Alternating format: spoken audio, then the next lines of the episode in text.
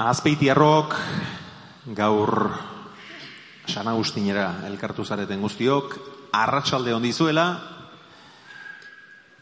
nire bi alboetan zauzkatetan idazleok ere ongi etorri, eta eskarrik asko guzti guztioi neure eta hau antolatu duen muno handi elkartearen izenean. Ezker esku inditudan lau idazleak aurkeztuko izkizuet labur-labur, bi hitzetan. Pako Aristi urrestildarra da, gaurko laukotean bi baditu zaharrakoak, baina argitaratutako lanen kopuruari erreparatuta e, bera da idazlerik emankorrena. Hainbat e, genero ditu landuak, narrazioa, biografia, biografia novelatua, elkarrizketa, poesia, novela, aurreta gazte literatura. Jose Luis Otamendik narrazioa eta saiakera landu izan ditu, baina nagusiki denen gainetik poeta da, ala ikusten dugu, gehienok behintzat. Eta hainbat lan ditu argitara emanak. Ala itzola izola, laukoteko gazteena, baina honek ere hainbat lan baditu argitara emanak. Aurre eta gazte literatura eta antzerkia landu izan di. Eta azkenik Josean Agirre dugu asko ez ikaragarri idatzitakoa gehien bat kazetari gisa urte askoan oraintsu arte ari izan baita kazetari eta e, idazlea ere bada eta hainbat genero ditu honek ere landuak novela, biografia, biografia novelatua, elkarrizketa, narrazioa. Bueno, beraz, laurok zarete idazleak, laurok azpeitiarrak, batzuek erreparo haundixamarra izaten dute bueno, azpeitiarra itortzeko erreparorik, pako? Bai, hartu hartu mikroa. Haundia. Erreparo guztiak duzta, Xabier. Espainola itortzeko bezain. Haundiak. bueno, nik beste erabateko erreparoak aipatu nahi nituen. Askok erreparo ondixamarra izaten dute e, beren buruari idazle etiketa jartzeko asko kostatzen zaie, bai idazlea naiz e, esatea. Zuei e, asko kosta izan altzaizue, noiz sentitu zenuten zeuen burua Bai, ni idazlean auk. Ne, osiko naiz. Nik oso gazterik sentitu nuen, idazle naiz. Esan baino gehiago, nik nahi nuen, idazle izan nahi dut. Gustatzen zitza da mundu hori, institutoan eta deskurritu genuen, eskola literatura eta idaztea eta prensa irakurtzea eta nik beti barroan euk izan dut idazteko nahi hori. Kazetaria nahi nuen izan, idazle ere bai biak. Nerea nire asmoa zanik idazle izan nahi dut. Eta izan nuen suertea, zoritxarra askotan ondo ateatzen din gauza gero kalteako gertatzen dira batzutan. Hogei urtekin edo, ja, nik novela bat idatzi, eta gauza magiko bat gertatu zen. Argitaletxea bidali, eta handik hilabetera, telefonoa, deia, eizu argitaratu ingo dugu. Eta ja, hogei urtekin, beste prozeso hori gabe, liburua, novela bat, ateako ziatela. Eta ni orduan pixkata zenitzen, sinesten, hontxo? E, baliokoet pixkat, ontako, o, o, nik egiten dudan hori gustatzen da, o, ni badauka zer aportatua, ni urrestilan, ni beti kontzientzia izan dut urrestilan jaioan itzala, herri txiki batean, laizte pasazitzeidan, eh? Ze gero biografiak eta irakotzen dituzu, eta irakusten dezu, ba, Gabriel García Márquez jaio zala Kolombiako herri txiki txiki txiki batean. Arakataka deitzen da herri batean. E, Hemingway jaio zen Oregoneko beste herri txiki txiki batean. Mana edet, jende ospetsu eta handi asko jaio izan da herri txikietan, beste batzuk hiruburuetan. Orduan, herri txikiko kompleju hori hemen askotan ikusi izan deuna, nik nuen nik ez dut izan da, nik nire burua iten nion kaldera zan. Bale, novela bateako jate, euskeraz liburu hori Euskal Herri osoan, edo jentsuenean, salgai jarriko da. Nik baldauka zehose aportatzeko Euskal Herriari. Ta, nik pentsamentu egin buruan. Ni Euskal Herrian eta hor zerbait aportatzeko gai izango ten nintzen. Eta bueno, hola abiatu nintzen, eta nik nire buruari eh, problemai gabe hogei eta atortekin aitortu nion, bueno, idazle izan nahi dut. Natural, ne oso natural izan zen ere prozesua. Bai, ba, ez dakit gauza batzutan alde handik beharra da, ez da, ongo e, nire e, idazle neure buruari idazlea aitortza hori e, onartze prozesuan. Oso gazteik, ba, nik ere banuen e, zerbait esan nahia, eta aurreneko ez dakit gogo eta edo besteik gabe modu organikoan sortu zitzaidan, kontua da komunidade bateko kide ikusten nuela neure burua eta ba, pakok esan duenaren osoantzea e, egin nuela kontua ia, nik zer eman niezaioke komunidade honi edo zertan e, karpenik egin egitezkotan eta uste nun ba horre izan dezakela zera bat e, bide xume bat hasieran oso xumea gainea Gero, e, nik uste ordun errezago genuela gaur egungo gazte gehienek baino, gero berla horri buruz ere hitz du baino, e, argitaratzeko bide hori eta ni neu ere suertea izan nuen ez argitaletxe baten e, babesa errestopatu nuelako, baizik eta lagun arte bat sortu zitzaidalako eta e, lagun arte hortan ba, bueno, ustela saia eta e, osatu zuen lagun arte hortan ba, liburu argitaratzen hasi ziren eta Nikola Ester, nik ere ez dakit, hogeita bat otekin edo e, ba, liburu atatzeko ba, zori hori izan nuen, ez? E, hortik idazle sentitze hori lotza handiago segurazko eman nuen e, hasiera hartan. Idazle nahi nuen nik ere izan baina nire buruari ez detuzte hain e, bizkor e, aitortze itxi nintzenik. Denborarekin gehiago nik uste izan zela zera e, jendeak eta batez ere agerkarietan eta ba, asten bat zaizkitzu ipintzen zera ba, pegatina hori, bai, idazlea eta idazlea, eta azkenean ez bueno, e, ez nuen oso prozesu entzea mm, hausnartua egin, e, gehiago zen, esatea, bueno, ba, jartzen dutenez, onartu ingo dut, eta ni bestela lanbidez irakasle naiz, eta bestelako gauza askotan ere aritzen naiz, eta ba, onar dezagun beste gabe jartzen didaten San Benito hori, eta bueno, biziko geha horrekin ere, beste hainbatekin bezala xe. Zama ez da. Ez, ez, ez, gustagarria zait bai orain. Alaiz. Bueno, ni pixkat pako abia puntutik, niko mira nintzala handitan nahi nun izan, eo idazle, eo futbolista. Eta, klaro, idazle bakarkako lana zan, eta egiten nun. Eta folian, momentu baten izan genuen aukera, gara hartan, emakumeak apenas ez bai genuen folian jolasten, sartu erten bat dituko folea. Baina bela isek izartiak esan zigun ez, ba, emakumeak ezin dezu folian jolastu. Deskartau idazletza hor segitzezun, ez da, desi horre. Eta horren bueltan zen izango nintzen, eta izan nintzen ama. Eta bueno, bitarte hortan, egin ditun gauzatxo batzuk, idatzen ditun, baina kasi zan oso niretzako egiten unzio ze, sekula pentsau gabe ezer argitarako nik eta ezer. Azpeitiko lakrikun antzerki taldie, antzerki baten bila hasi zan arte, esan nahi dut. Kasualitatez no, pixka ba, literaturaren ba mundu hontan, ez da? Gustos beti, desioz baita, baino izan zan olako antzerki bat berdeu. Zeu ze gaur egungua pixkat, eta jakingo duzuen modun, antzerkile apenas ez da publikatzen, gaur egun pixka gehiago, baino. Eta olaixe, hasi manion pixkat, idazte prozesu hori nun antzesten hasiko ginen antzerki obra biek, zeo ze publikatzen hasiko ginen, baina nik oso argi daket, idazle bestekin dautela, ez da? Piskat, ba, otok esatezun bezala, ez? Eskoleta jun eta umeak esate izuenian, ah, eta zun nungo idazli ezea. O aurkezte zaituztenien idazle bezala, ez da? Bestie gehiago daute. Da, kostau ez zatiten igual idazli naizela esati, baino errezo esango ez antzerkilari jenaiz, faranduleruen naiz, gidoilari jenaiz, ez da? Antzerki, oi, idazle horrek zama, ez, ez sentitzen zama, baino batzutan ez ote dihu nirekin, ez da? Josea. Bai, a ber, ni eh, literaturaren eh, kontu hauekin berandu hasi nintzen.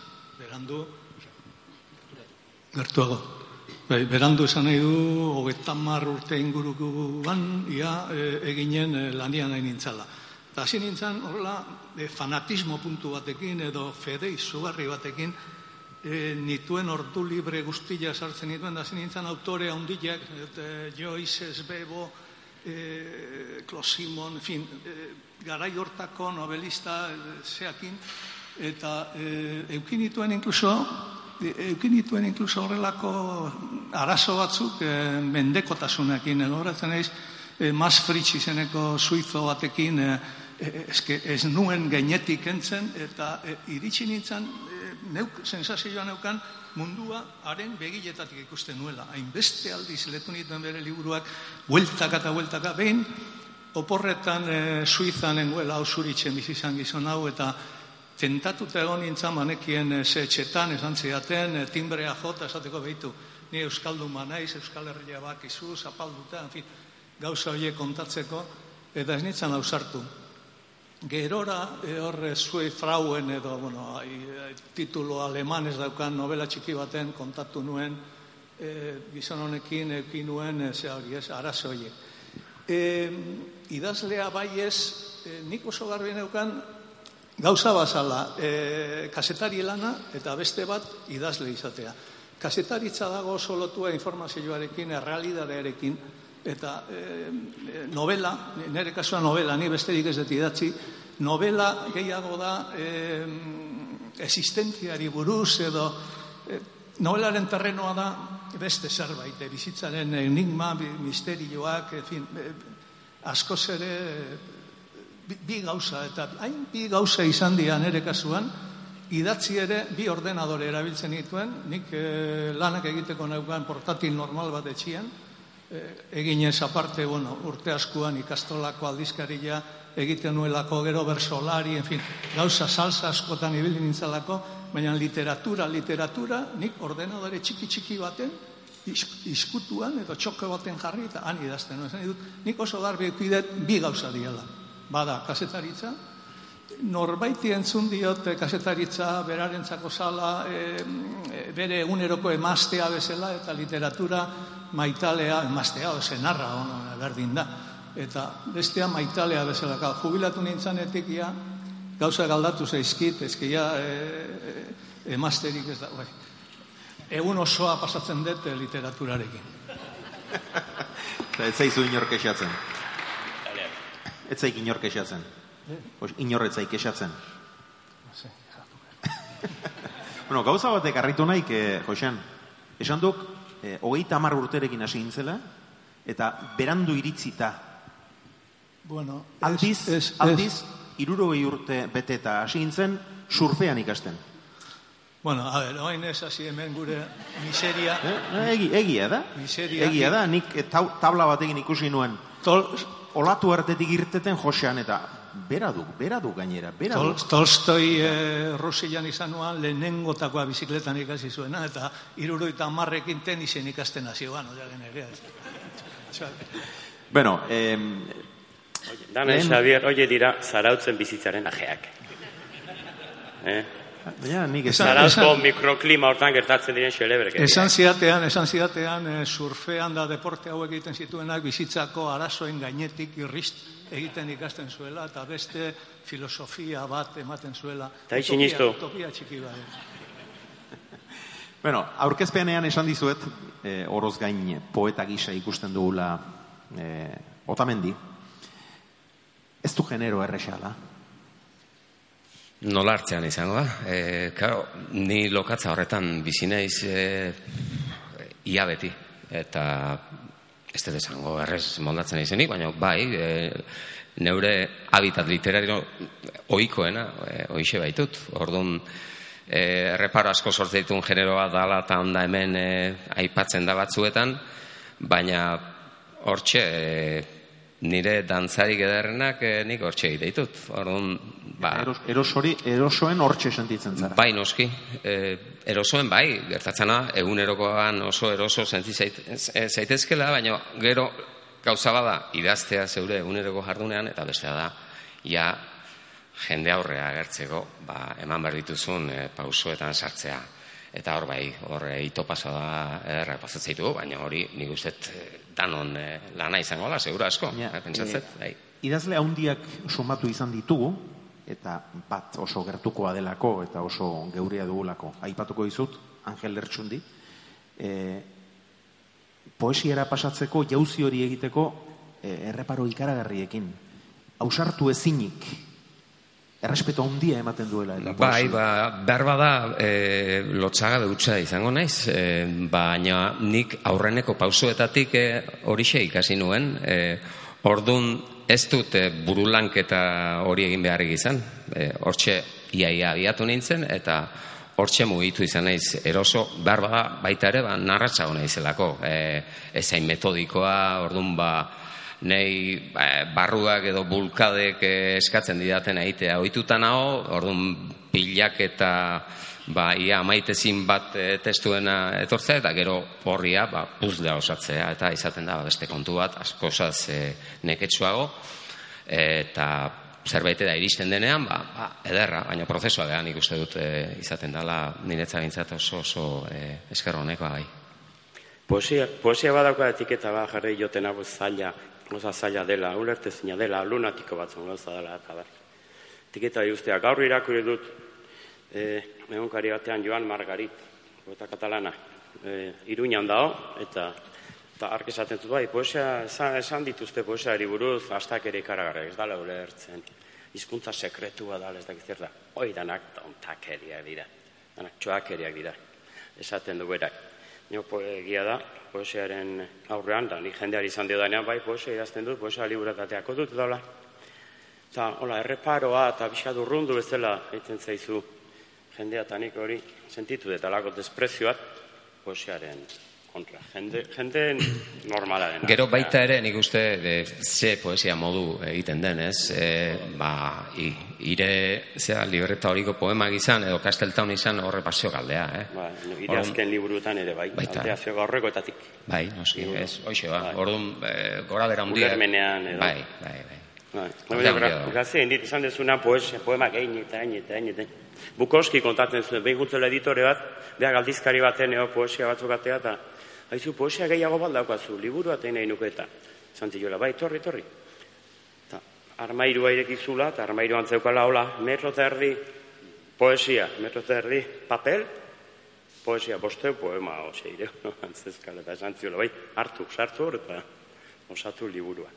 Eta orduan, pixkat poeta antzea hori bada, ez? Almazen atze hori, Ba, lan egiteko modua izango dira. E, nik ezautzen ditut e, idazleak e, poema liburat egitea jun, eta oeta malau ingo ditut, eta Bai. oeta malau bat adesten atzetik egin dagitenak, Jo, hartuko nuke neuretzat, baina ez da kasua, ni, ni justu kontrara egiten dut lana. asko ingi honenak Bai, atzeko. honenak ez gehor, e, ba, zea, ja, artizau lan handi bat, hor nik uste da, hola. E, bai, handik endu hemendik e, osau eta... Bueno, idazleak e, etxeko txoko bakarti batean irudikatzen ditugu idazten e, idazteko makina baten aurrean lehen, gaur egun ordenagailu baten edo biren aurrean, bat itzalita baldimada ere, e, bakardadean aldiz, Josean, gizartearekin konektatuta egotea ezinbestekoa, zenbat eta konektatuago, hainbat eta hobe. Nik, a ber, e, nik hola, esaldi bat erabiltzen diat askotan da dek ez teu horri zuriaren gainean idazten baizik aurrekoak idatzitako horrien gainean. E, e, Zika nola esan, e, musikan sampleoa edo e, konzeptu hori besteren materialak erabiliz egiten da, egin daiteke musika, nik usteat, literaturan berdin aplikatu daitekeela, guk e, gaur gainera zenbait autorek eta e, defenditzen ditek ez bakarrik e, ez bakarrik e, kopiatzea, imitatzea, baizik lapurreta garbila egitea. Eta gaur ga, hainbesteko materiala zegoek idatzi eta hainbesteko tradizioa diagu interneten da bar, nik ez uste e, gizartearekin ze, kasetaritza, isa- historialariak gizarte aztertu behar di, soziologoak, e,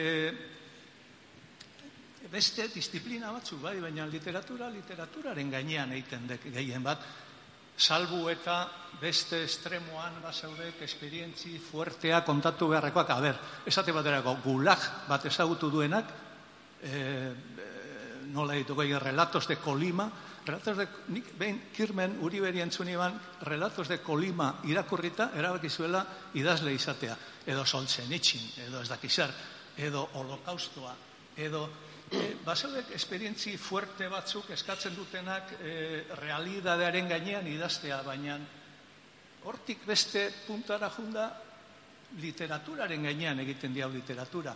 Basekiat oin pakok esango diala, baina hori estetika hutsa dek, tal. E, bide luze hortan erdibideak zeudek. Esa, a ber, gehi ilusatzen nahi naugez? Bueno, Bai, laster, bai. laster pasako dituk zortziko txikira. Ez, ez, ez, utzi, utzi, utzi. Ez? Baina Beti oso, interesgarria du gorain esan behar duan Beti hori. hobiadek motz luzea baino. Bai. Iman Olazkanok esaten du, pertso saioak txarra baldima da, motza behar duela. E, ona baldima da, motza behar duela. Eta txarra baldima da, askoz ere motzagoa.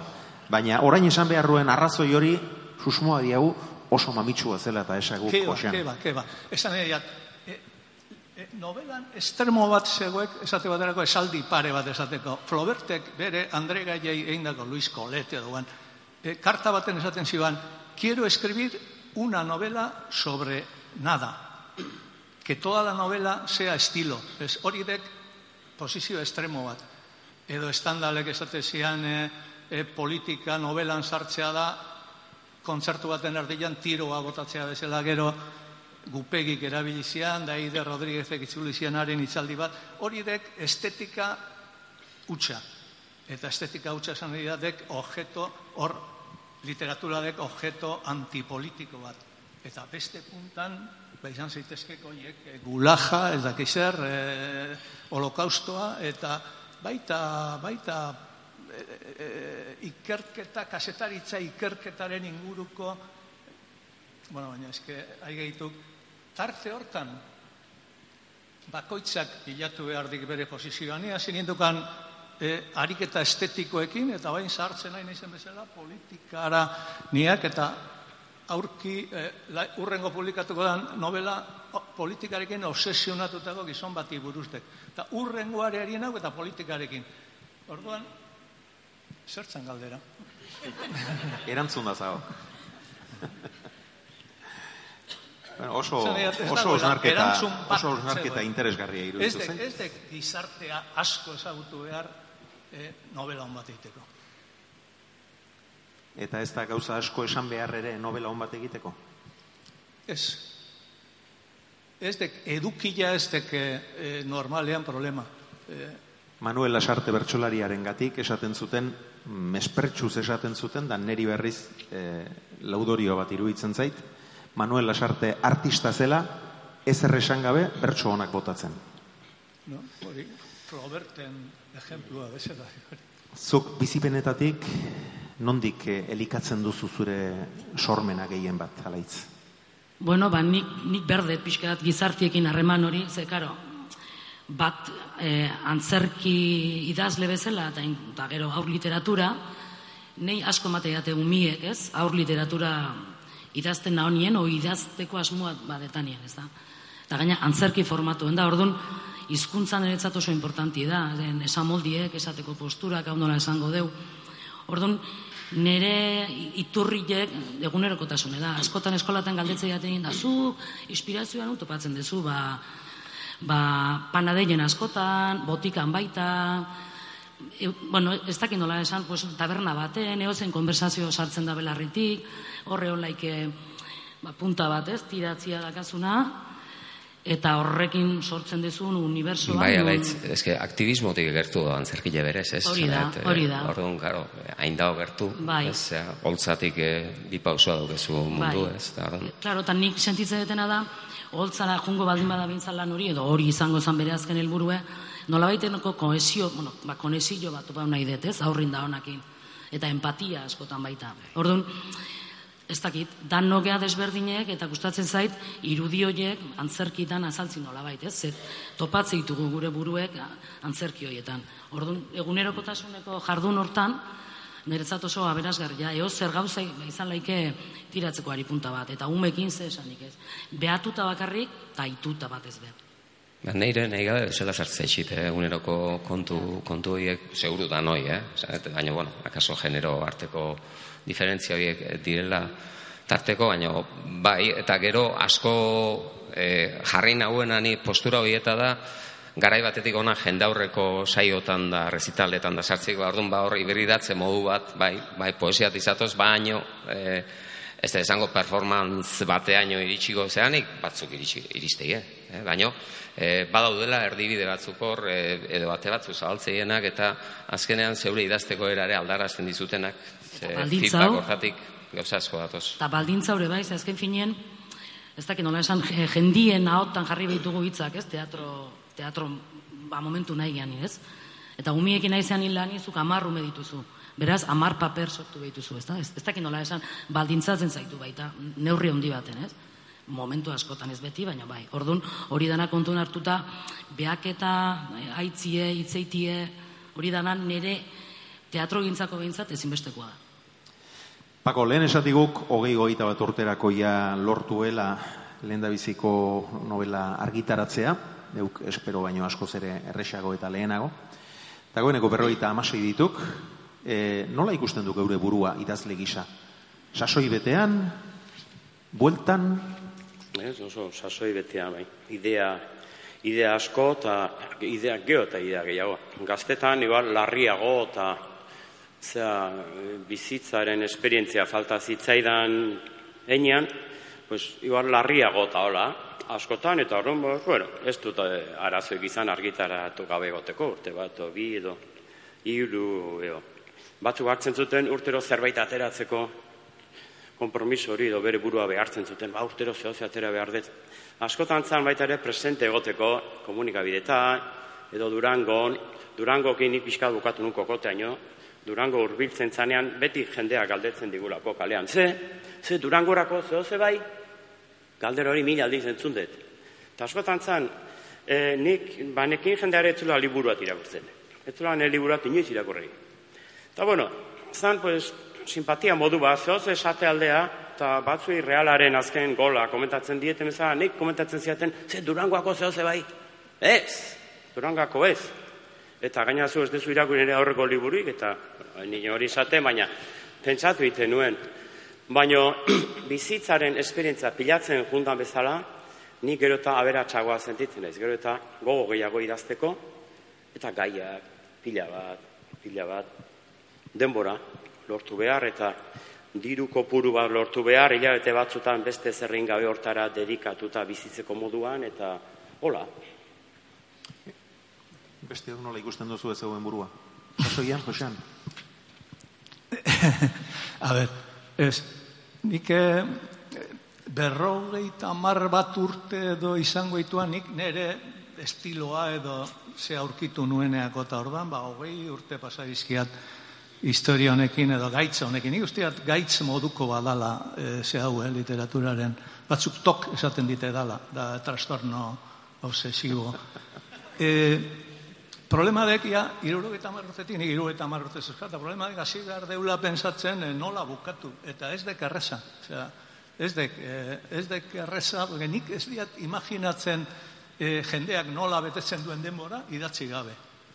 Eta basekia jende pila basea dagoela. Eh? Baina, Josean, nola bukatu pentsatzen hasi beharra daukala, Bai, baina esan bai. diguk, liburu bat, liburu bat laster izango dugula kalean, eta beste bat ere buruan daukala, edo lanean hartan ere.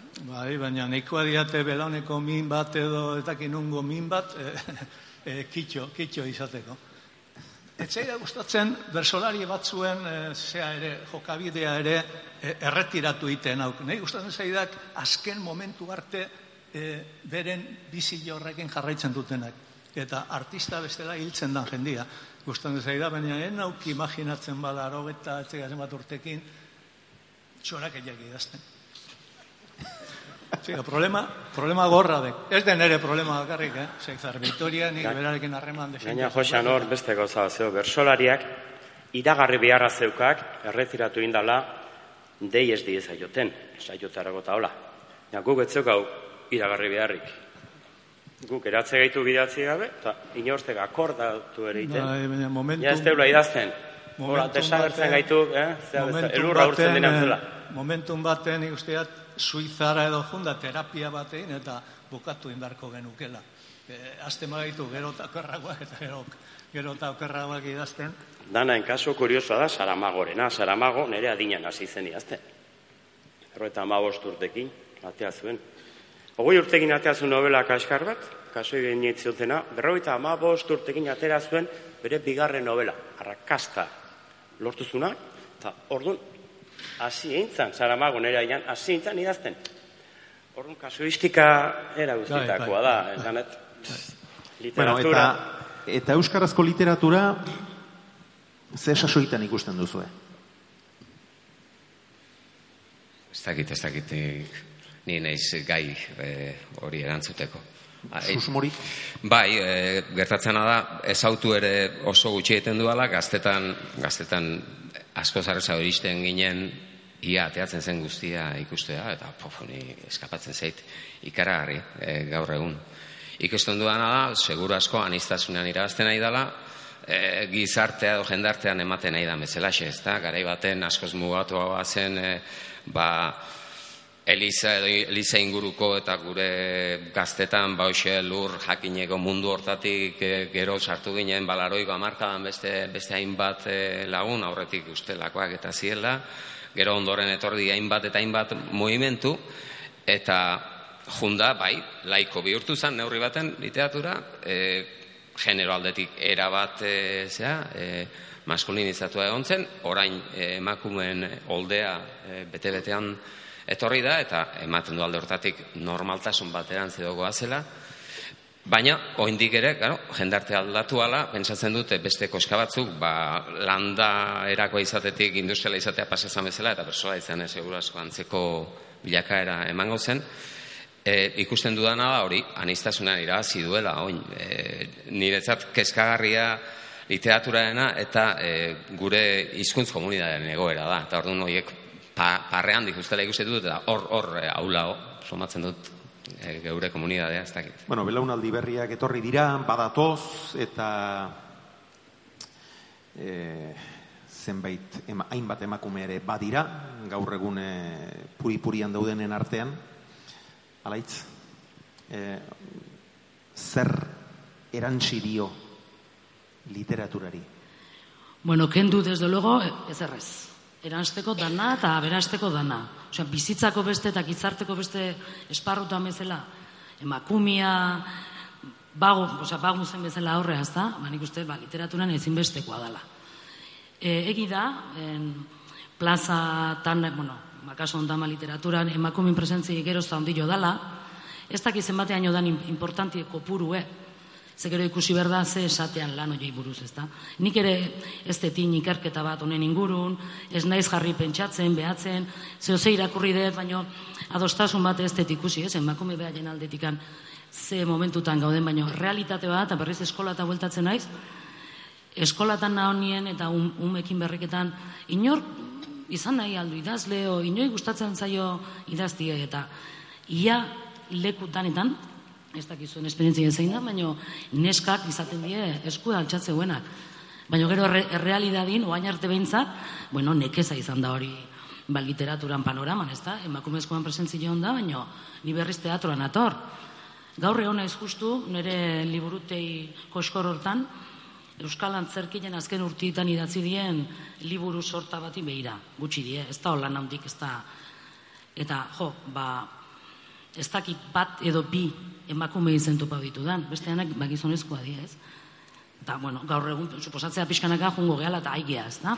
Hor barkau, eh? eh, beste kontu bat eh, uste bada hola, eta da eh, autoretzaren eh, bindikapena, alegia. Ja. Gizonezko geure izenaren jabe izan nahi hori asko zagerikoago daukau denean, agertu behar hori emakumezko, baino esango nuke orokorrean, eh? ez da beti ala, baino iruditzen zait eh, askotan ba, nor bere e, izena estalpean emateko gertuago daola emakumea e, kolektibitate edo taldearen edo eta ekisen izenean gizonezko baino. E, eta antzerkian uste dut hori e, behin baino gehiagotan ikustea tokatu zaidala. Claro. Eta nik uste baitare hor, bueno, irautza etengabekoa da, baina azken urtetan emakumean irautza eta irautza feministak bere leku iten nahi da, eta oso importanti gaina, eta orduan, ahaldun ziei buruz aritzen gehan ni, jabetza eskoletan, eta nik uste horrek guri laguntze digula, ez, emakume bezala, eta gaztio be segurunik hobeto prestauta etorriko zen zu hortan, ez, baina pixka gure leku egiten baita, naiz eta kolektibuen lanin, eta igualalako, ez dakit, nik uste em- emakumezkoak eba berra askotan gure lekuen neoteko gure izenakin, ez, baina e, igual izan da eremu bat ukau gintzaiguna, igual ez konstienteki, baina bai uka gintzaiguna. Eta hoain nik uste, bagatoz, baino ez bakarrik ma literaturan, ez? Nik uste, esparru askotan, eta fuerte eta indartxu, eta horregatik desio dio bet, neska hori da nahi, esko altxatze guenien, nik idazle izan nahi dut, ez gertatzie, nik futbolista izan nahi dut, pentsatzen unin bezala. Ailegatzen momentu ban, nun, ai, e- e- ezin dut, ez da? Nor, normalean, bai, normalean eskola batean inork ez du izan nahi idazle. Eta nik xaxatu ditut, baina inor, inor, inor ez ze ikusten duzu, ba, idazlea zer da bazuentzat. Persona aspergarri bat, ah, gutxi irabazten du, esaten du bakarra bategola. Dirua oso ba, buruan sartuta daukate umeek. Eta fama. Diru, diruaren mirespena, fama, bai, futbola eta da, bueno.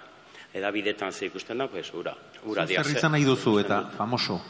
Hori ere bai. Eta galdetze dizute, bai. zu famatu altzea, ni askotan galdetze eta nik bai, etxean, oso famatua naiz, Bai, eta maitatua. Zerran etxean. famatu izatea, haientzat. ezta? Batek esan zian, nik korrupto izan nahi dut. Esan zian batek. Orduan, ema, hoi emakumena, hoi ala da. Nik izan nuen esperientzia, doain dela urte batzu, itzaldi bat eman nuen, eta bukaeran etor zitzaidan eh, emakumezkoa, lagun bat. Eta zian, jo, bako, eh, triste geratu nahi zu itzaldi ondoren, ze erabili dituzun referentzia guztiak gizonezkoak ziren. Alako idazleek esana, alako esana, Hemingway esana, ez da izenork esana, Borges esana. Dana gizonezkoak. Eta aztertu nuen, nire gidoia eta ala zan, nire referentzia guztia zien gizonezkoak. Baina baita ere zan, gara- garaiaren ispilu bat, dano gea garaiaren ispilu. Jasotzen duguna, reflejatu egiten dugu. Eta nire nobelatan da, lehengo novela zaharretan, emakumeak agertzen ziren beti emakume papel tradizional hortan gizonezkoaren kutixi ziren, edo gizonak bastertzen zitunak, edo deseatzen zitunak, gizonaren mendean, papel horiek, eta ni pixat dizutu iten naiz nire novela zarrak irakorreta. Eta kritiko batek idatzi egin zuen ikerketa bat, andereñoaren figura nola agertu den, euskal literatura han agertzen da nire aurrentzako liburu baten aipamena, eta andereño bat jarri nuen, pues, e, txakurrak pixa egiten zion, andereño petrala zen, ez dakiz zer, eta da, klasiko emakumaren rol hori. Eta gero, eh, neska honek nahi aldatu zian. Eh? Ikuspegiat esan nuen, pues, arrazioa dauka. Referentzien artean ere, emakumeen bila hasi behar dugu, haien lekuen bila, agertu diren emakumeak gutxiago izan dira proporzioan gizonezkoa baino, baina interesantak izan dira, eta dira, eta izango dira, jota gehiago, eta ni neskarek bihurtu ninduen feminista bapatea, plast, zakabo. E, literatura, nik- nik- darkau. Bai, ez, e, emakume, emakumeen, a ber, egonda emakumeen eklosio bat. Idazle, idazle emakumeen eklosio handi bat, eta badauka literatura horrek, bueno, novelari da okionez, eh? badauka literatura horrek e, ezaugarri bat da lehenengo personan kontatzen dute beren bizipenak. Ez, Frantziko kasu hartuta. E, hasi e, anaiz nin diario famatu haiek, egunkari haiek. Ondoren e, ani erno, e, pare bat liburu dauzka bate, e, Rusiako diplomatiko, ba, pura pasion izena duena, e, eukizuen, eukizuen idilio fuerte hoietako bat, eta kontatzen du e, xetasun guztiekin. E, badago beste tipo, tipa bat hor, e, ango, Kristina Ango, incestoaren histori bat aitarekin, bi hiru novela dauzka gai horrekin. E, oso ezaguna da saldu zalako, lau milioi frantzian saldu zituen eta berrogei hizkuntzatara itzuli zalako Katerin Milleten e, bizitza sexuala. Bueno, la vida sexual de Katerin M, baina, bueno, Katerin Millet zan autorea, eta bere bizitza sexualaren e, e, aberastasun izugarri hori, e, ez ezagunakin, taldean, bestean, oso liburu fuertea eta ondoren zelos ere idatzi zuen. Esan nahi dut, e, dia, bai e, literatura gehia eta ba- batez ere emakumeena da lehen personan idatzitako beren bizipenak eta hori gurerare pasada. Alain Agirrek bere osasun problemak edo bere ez dakizar kontatzen ditu. Katerin Millerrek kontatzen ditu bere tendentzi, bere jarrera sexualaren tal ez dakizar. Eta azkena horrela nik eh, ona irakorri dana da ez, ezurren erretura e, nire naur mea berena, eta da dotorea, elegantea, vamos, e, gauza on bat, gauza on bat. Emakume heldu batek idatzita. Nik nire impresioa da, edade bat arte ezin dela, pakota izugarri salbuespenak izango zian, da gaztetan izango zian e, niños prodigio, baina gehienak behar dituzte berrogeta mar bat urte e, gauzak sendo xamarrak egiteko. Alegia, bizipenak ezinbestekoak Bai, direla. bai. Pako, e, liburu asko saltzen aldituk? Garai batean beste bai edo gutxixiago edo? Orain gutxiago, nik garaiotean asko saldu dut, baina batez zen liburuak eskoletan eta hor zirkuitu bat badago, ikastolak eta eskolak eta hor sartu ziren ere liburu batzuk, institutuetan ere bai, eta hor sartze, hor, hor sartzen da, barbaridade bat. Barbaridade bat, e, egoi mila ale, berrogei mila ale, nik salduko nitu, egun berrogei mila liburu ale, liburu, urte haietan eskoletan.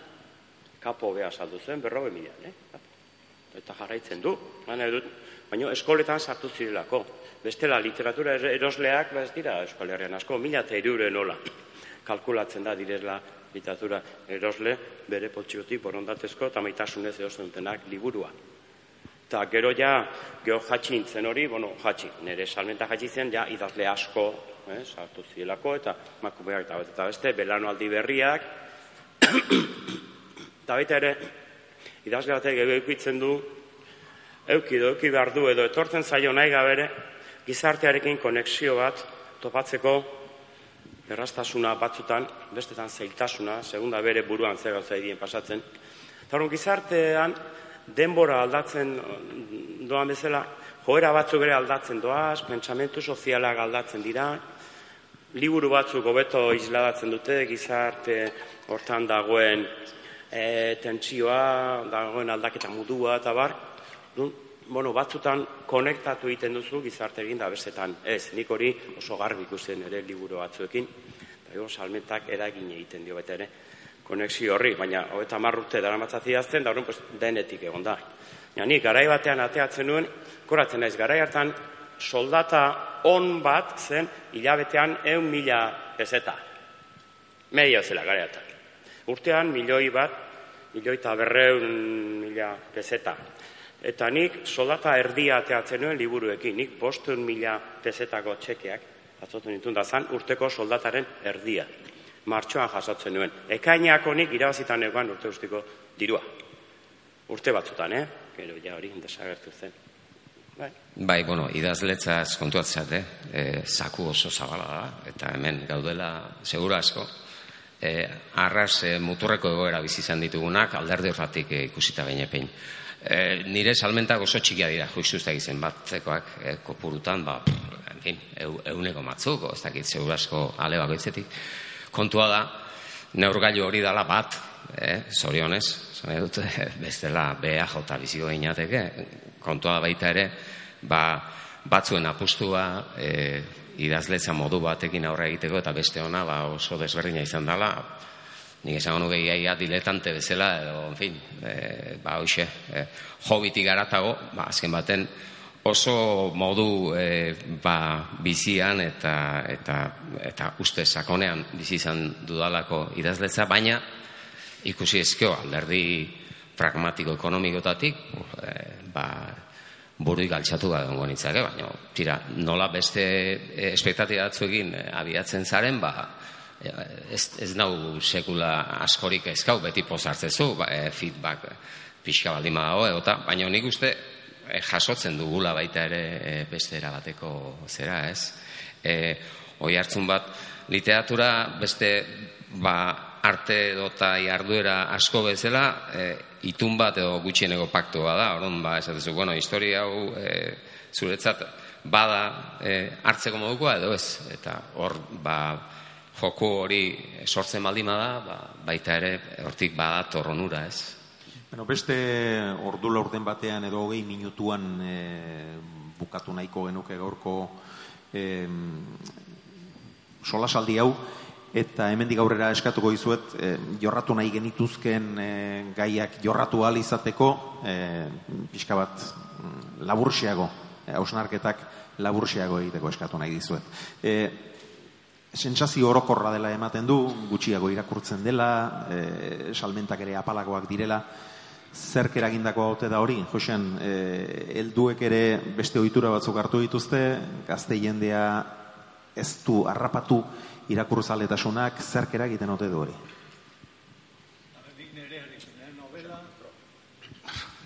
Novel, novela da genero residual bat. Nikola impresioa, a ber, eh, Goia jo zuen, emeretzigarren mendearen bigarren partean eukizuen e, novelak, eukizuen e, e, prestigioa eta bestea, eta zineak kendu zion ondoren, ondoren zineari telebista kendu zion, orain telebistari ez dakit, zan e, gelditzen da gugea astarnak edo residualak edo nik impresioriak bat. Orduan, e, gurea, gurea bezalako A ber, gaur egun pixkat saltzeko, bueno, edo izugarri ona izan behar dezu, eta behar bada e, arritzen naiz, baina behar bada igual atxagaren azken novela asko salduko da, ez detuzte. Edo bestela behar dezu oso gaztea eta mm, behar du eskandalo puntu bat, a ber, transexuala baldi mazea, hobe. Edo, edo, edo, e, ez da erresa, ez da erresa. E, literatura iritsi dalako puntu hortara. E, behar da, zerbait eskandalo puntu bat, zarata pixkat, Igual izango da nere, nere kasua berezila dalako, eh? nik, nik, eh, nik dakidala nere irakurleak sei zazpi sortzi dira. Onak, hori bai, eh? Eta goizeko ordu galdian, lau zarbaizaean, da topo iten dudanean, jode, nere novelak buruz dakiten jendea. Izugarri onak. Baina gero, nola saltzen dian e, seireun, zazpireun, sortzireun, ideik ere zeukat. Ideik ere. Kobratuko ditu, kala? Bai, baina zer dekori, esan lehiat... Pakok zehaz mehazek, bai, bai, saltzen dituen. Bai, pakoren kasua diferentea dek, eh, profesionala ditu. E, niretzako... Dek, Alaitz, eh, eskoletan liburuak irakurrarazten dizkiete, pakori oso ondo etorri izan zaio, bai. e, eraginkorra alda, ezkuntza sistemari zer eskatu behar zaio? Galdera horren erantzuna jakingo banu, literaturatik ez beste zerbaitetik egongo nintzen bizitzen seguru ni. Ez dakit, ez dakit zein dan bidie. Mm, batzuk, beti danik izango ja, ba, irakurlie txikitatik eta jarraituko e, eldutasunean beste batzuk inoiz ez dituzuko, mentzituko.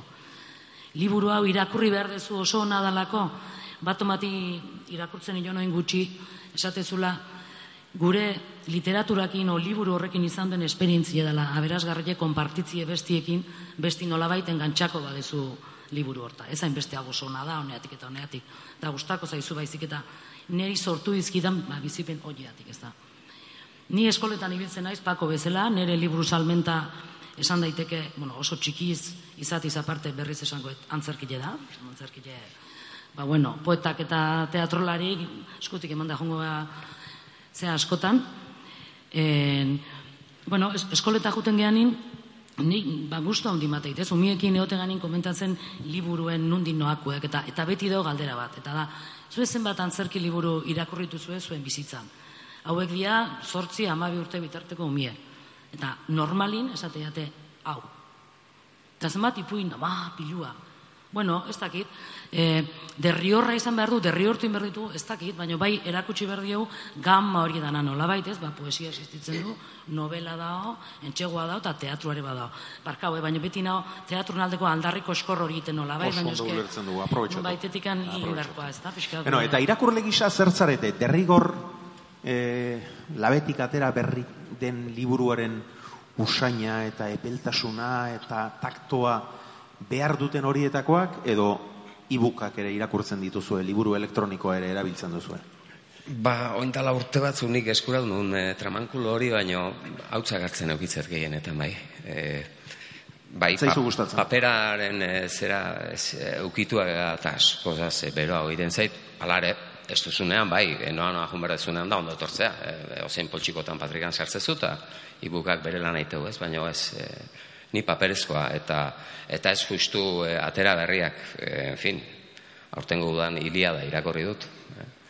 ordonatea kontuak, e, Homeron gauzak eta ba, gauza klasikoak, baina bueno, ba, baina bai gaur egunekoak ere bai, eh, baintxe minan e, ze ametsa zen eta Ibrahima e, Balderen libura irakurri dut baita ere, e, atera berri berria, baina bueno, ba, hoxe, zen nahi dut batea eta bestea bai.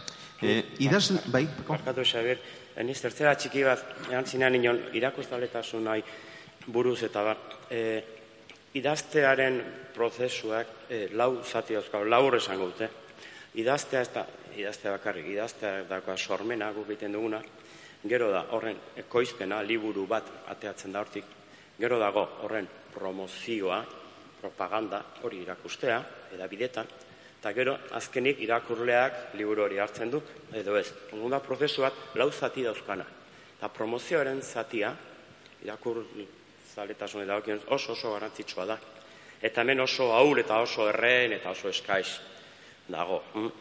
Adibidez, e, British Councilek Inglaterran literatura bultzatzen duen e, zera bat erakunde badago, urtean zazpireun milioi euro dedikatzen dituena bere liburuak promozionatzera. Inglaterran bertan eta kanpoan. Alemanian dago e, GET institutoa iruron milioi euro dedikatzen ditu promozio lanetara. Mm? Horun, horrek ere gure literaturari pues, egiten dio bere kalte bat, adibidez, galdetu bestela zuen buruari, edo Xavier hemen dagoenez, aprobetsatu. Zergatik telebistan dauden, bueno, ez da telebistako zean agertzen denarren, zergatik dauden euskal telebistan, sei programa sukaldaritzari buruz, gaur egun, sei daude bikatetan, eta literaturari buruz, bat. Hori norbaitek erabaki du ala izatea. Eta, eta ez kexatu, pago. Ez kexatu. Bat dagoelako Bat- ere, bat badago. eskerronez egon behar dugu. Eta sukaldaritzai buruz daude, sei. Bueno, ba, bi- jendeak izugarri daki sukaldaritzaz. bi munduak lotuz. Eta literaturaz ezer. Bi munduak lotuz, baldagizue, baldagizue norden Euskal Herrian libururik gehien saldu duen pertsona. Alde ikaragarriarekin.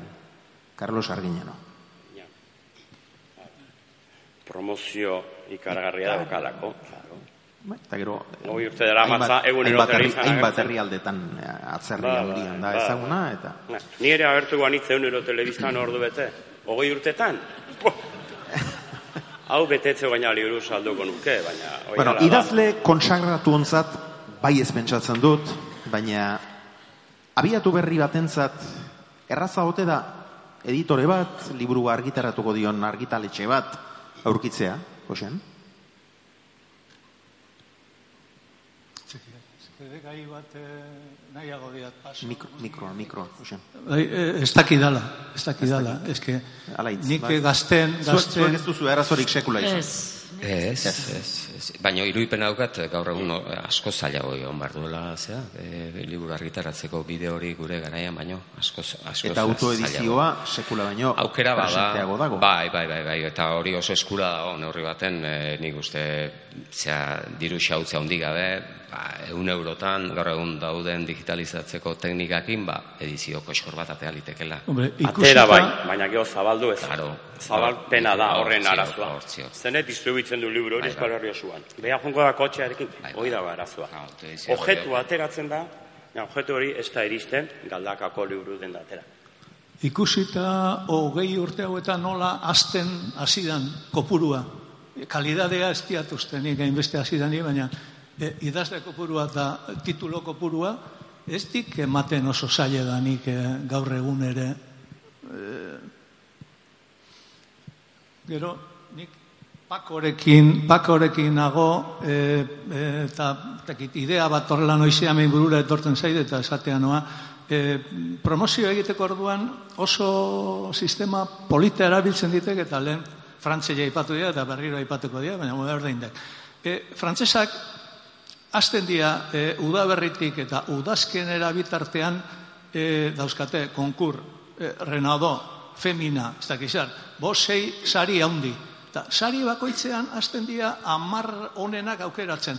Piskat egiten ditek Gipuzkoako txapelketa edo Euskal Herriko txapelketa bezala. Egiten ditek e, amar onenak ondoren e, lortzen dute hiru beste azkenean buruz buruko moduko bat egiten ditek, egiten ditek eta lortzen ditek e, egunkarietan presentzi, presentzi bat e, horrela dijoa sari horren e, zera, zailkapena.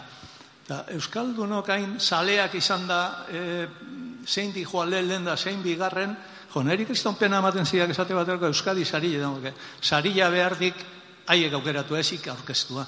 Orduan, Euskadi, Euskadi sariletan zergaitik esate baterako ez dute egiten e, finalisten artean izenak agertu.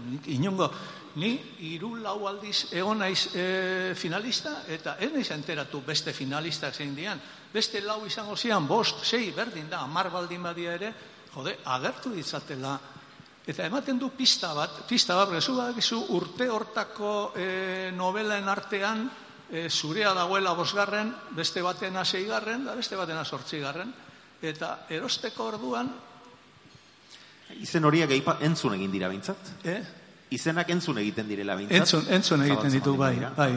E, bestela gelditzen dugu oso e, epaimaiak sekretuan zerbait erabaki balu bezala. Bueno, em, Bueno, publikatzeko eh, erraztasunari buruz eta eh, Xavier Xelebeira bertsolariak orain dela urte batzuk, ja urte, dezente, atera zuen liburu bat gaztelaniaz, eta orduan esan zuen koldo izagirre idazleak, ea azkenean erdaraz argitaratzea errazagoa den, alegia, maila apalago, apalagokoari ere, eh, ameto eman zekiokeela, Ba, behar da bai. E, nik uste dut hor, ah, azkenean, e, gu e, komunidade bezala zer dauko eskaintzeko, edo txipiroiak bere beltzean, edo irrintzia, txapela, edo gure euskal literatura, ez da? Nik uste hor badagola e, galdera estrategiko bat, eta e, izkuntzarena e, espadaukagu garbi, ba, ba, ez dakit, nik uste dut komunidadez nazten egin gala, Osea, ez daukala oso garbi, e, ez nor garen eta identitate aldetik ba, baditugula geure arrakalak edo eta geure, geure pitzatuak hor. Bai. zuei etzaizue burutik pasa erdaraz argitaratzen gara. Ez. Ez noski bestela nik ez nuke idatzi ere ingo seguru asko. Zene dut, bueno, bi, bi, bi autu handi daude hor. Batetik idazle izatea, eta hori munduan non, non nahi egin ditegen autua da, eta bigarrena da, ba hoxe, hizkuntzaren autua, eta ni neu behintzat oso garbi daukat. Bueno, gure entzuleen artean, bai, Josean. Ez, ez eh, eh, batzutan, usteat pixkatola, despiste moduko daukagula, eh? eh? Literaturak, a ber, euskal kultura zapaldua izanik, ez dakiz zertal gauza horiek, eh, zeudek, zentral, ber, bersolaritza esate baderako oso leku zentrala okupatzen dik kultura hortan.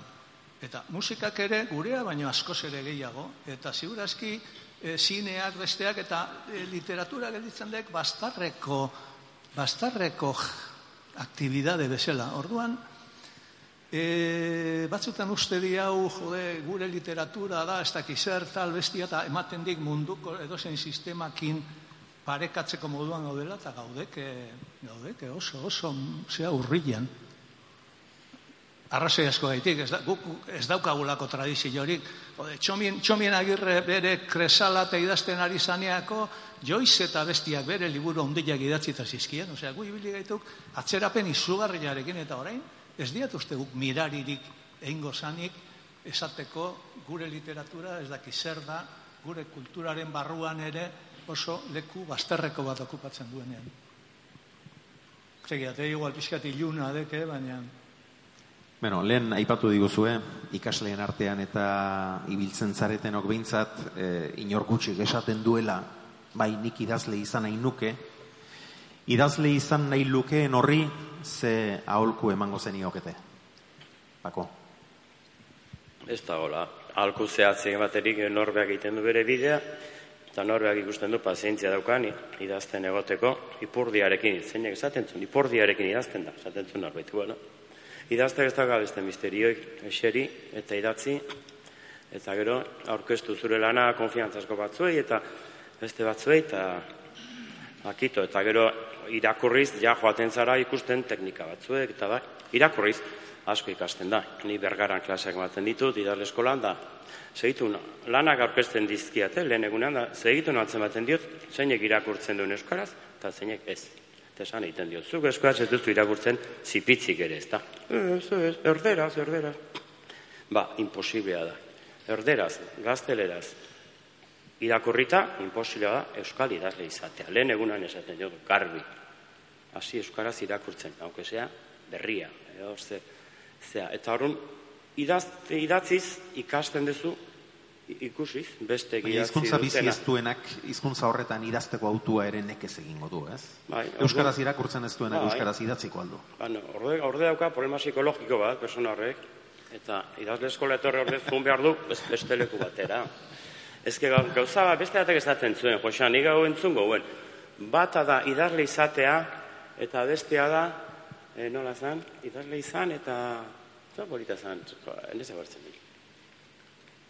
Idaztea, ez batzu idaztea gustatzen zaie, eta beste idazle izatea. Eta idazle izatea berak ere dauka gizarteen aurrean, bueno, alako glamour bat, eta zer da, hor, igual, zure herrian idazle ez dela, eta bi gauza diferente, dira. Nik, nik uste dut idazle izateko eta umetan ere gauza bera izango dela, hortarako bakarrik balio behardik. Osea, behin, e, beketi galdetu ziotean oso hitz, hitz gutxiko gizon hauan, da galdetu ziotean zergait izan idazle eta esan zian e, bonkasa. E, hortan bakarrik ona, beste zertako etzuela balio, eta esketzian balio. E, e, e, Nobel eman ziotean ere, hotel baten zegoan, da Andria telefono hartu zian, esan zian, kel katastrof, esan zian, katastrofe badau. Eta milaka periodista etorrea milaka. Periodista pila bat hotelea, ezuan bere gelatik atea. Eta editorea junda. Zan egat, basegoek, basekiat idazle e, mota diferentea gaudela, baina ni horrela identifikatzen hauk estilo horrekin, estilo hori. Beste esertarako estilo balio eta idazlea gaituk. Bueno, baina hori aktor, aktorekin ere gertatzen Bai. da hori, ala? Ez, nik eh, ezagutu izan ditut aktore benetan bikainak direnak, euskal eh, aktorerik bikain eta ezagunenetako batzuk, eta elkarrizketa baterako batere batere jokorik ematen ez dutenak, e, gidoiri gabe erabat biluzik sentitzen direlako, eta Bai, ez claro. dakitelako e, erantzuten, ez dakitelako Claro, zeki hoien zaudenien beste pertsona bat, eh, beste pertsona bat egizia bizitza ematen, beste egoera bati, eta, claro, elkarrezketa baten gu gaur hemen gauden bezala. Problemarek Geu gea. Problemarek beketi Nobel saria eman ziotela eta biali behar izan zian editorea te, testua irakurtzea. Etzalako kapaz irakurtzeko. Hori dek. Problemadek Hori. ez geanok islari onak idazten oso komodo sentitzen gaituk, baina tokatzen danean publikoan hitz egitea, ba, ba, ibiltzen gaituk ala moduz. Bueno, ba, Josean, ire galderei hainbeste aldiz erantzun izan diogunentzat, e, gaur euri galdetu ahal izatea, suertea izan duk, eta erantzule ere ez aiz makala. Eskerrik asko. Ez eure burua hain eskastzat jo, izketan ere. Jakingo go- E, alaitz, bukatzeko, zuk zer esaten diezu e, ikasleei? Bueno, irakurketa oso garrantzitsua dela hori beti dijua, eta esan gabe, baina nik bai izate beti idazteko, eta akatsa egiteko, eta erratzeko, eta ansarratzeko idatzi deben horrekin, eta erakutsi, eta kritika benetako bat jaso, eta segi, eta berriz idatzi, eta hanka sartu, eta segi.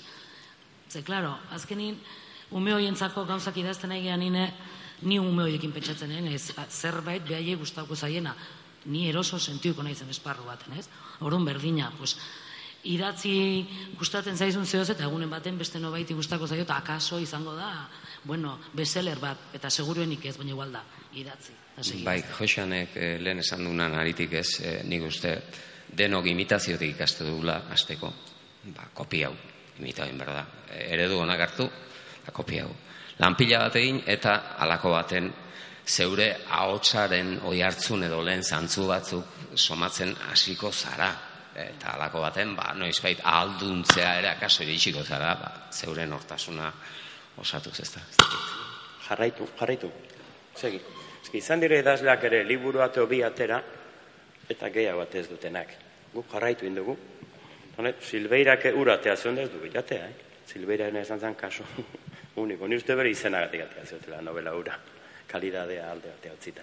Baina jarraipenak dauka, azken batean jarraipenak ematen du nola hoiteko jakinduria baldin badago bintzat. Guregan, ofizio hortan. Ibiltzen kalderarik bai? Mikroa, mikroa, Josean. Ez, Utzi, utzi, utzi. Galderak egitea hori. Ja ez eiz kazetaria, osean, no, ezin de galdetu, baina. Bueno, zuek galderarik baldaukazue gure lau idazleontzat. Norbaitek zerbait jakin minen bat baldauka. edo aipatu gabe utzitakoren bati buruz galde egiteko zerbait. Ez.